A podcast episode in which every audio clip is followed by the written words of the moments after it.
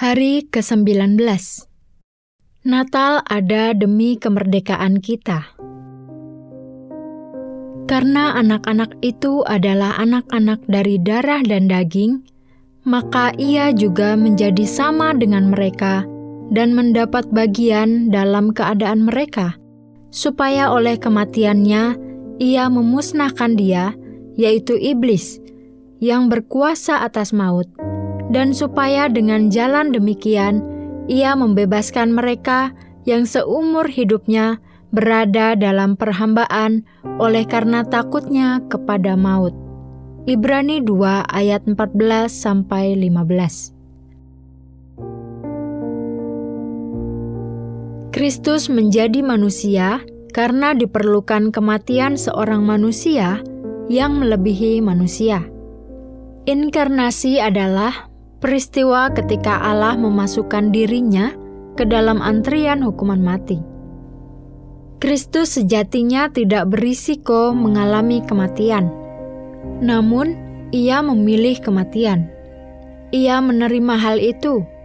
Itulah alasan mengapa ia datang, yaitu bukan untuk dilayani, melainkan untuk melayani dan untuk memberikan nyawanya menjadi tebusan bagi banyak orang.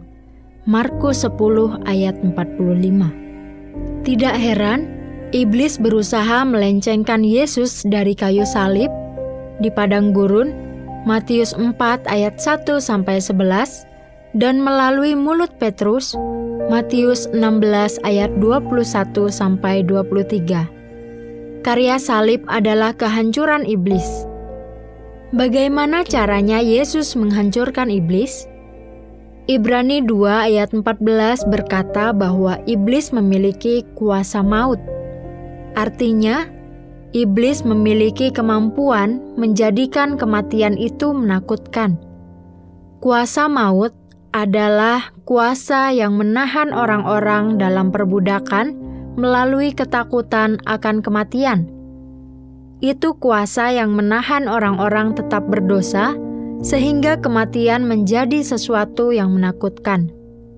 Namun, Yesus telah melucuti iblis dari kuasa tersebut. Ia membekuknya.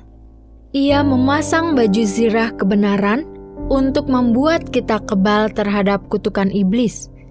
Bagaimana caranya? Melalui kematiannya, Yesus menghapus semua dosa kita dan orang yang tidak berdosa tidak dapat dikutuk oleh iblis. Setelah diampuni, kita tidak dapat dihancurkan. Rencana iblis adalah menghancurkan pemerintahan Allah dengan mengutuk para pengikut Allah di pengadilan Allah sendiri. Namun, di dalam Kristus sekarang tidak ada lagi penghukuman.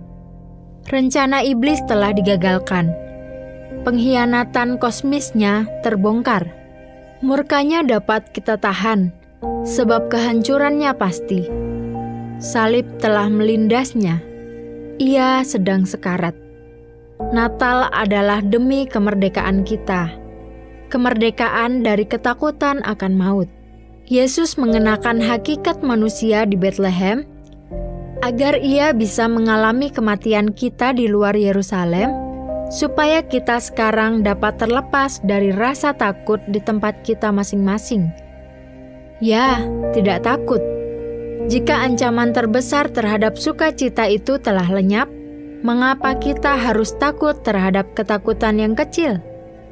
Bagaimana mungkin kita akan berkata, "Saya tidak takut mati, tetapi saya takut kehilangan pekerjaan"?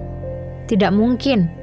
Jika kematian yaitu kematian tidak ada nadi, dingin, berpulang, tidak lagi ditakuti, maka kita merdeka, sungguh-sungguh merdeka.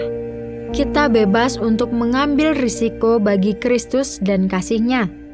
Tidak ada lagi perbudakan terhadap rasa takut. Jika sang anak telah memerdekakan Anda, maka Anda akan benar-benar merdeka.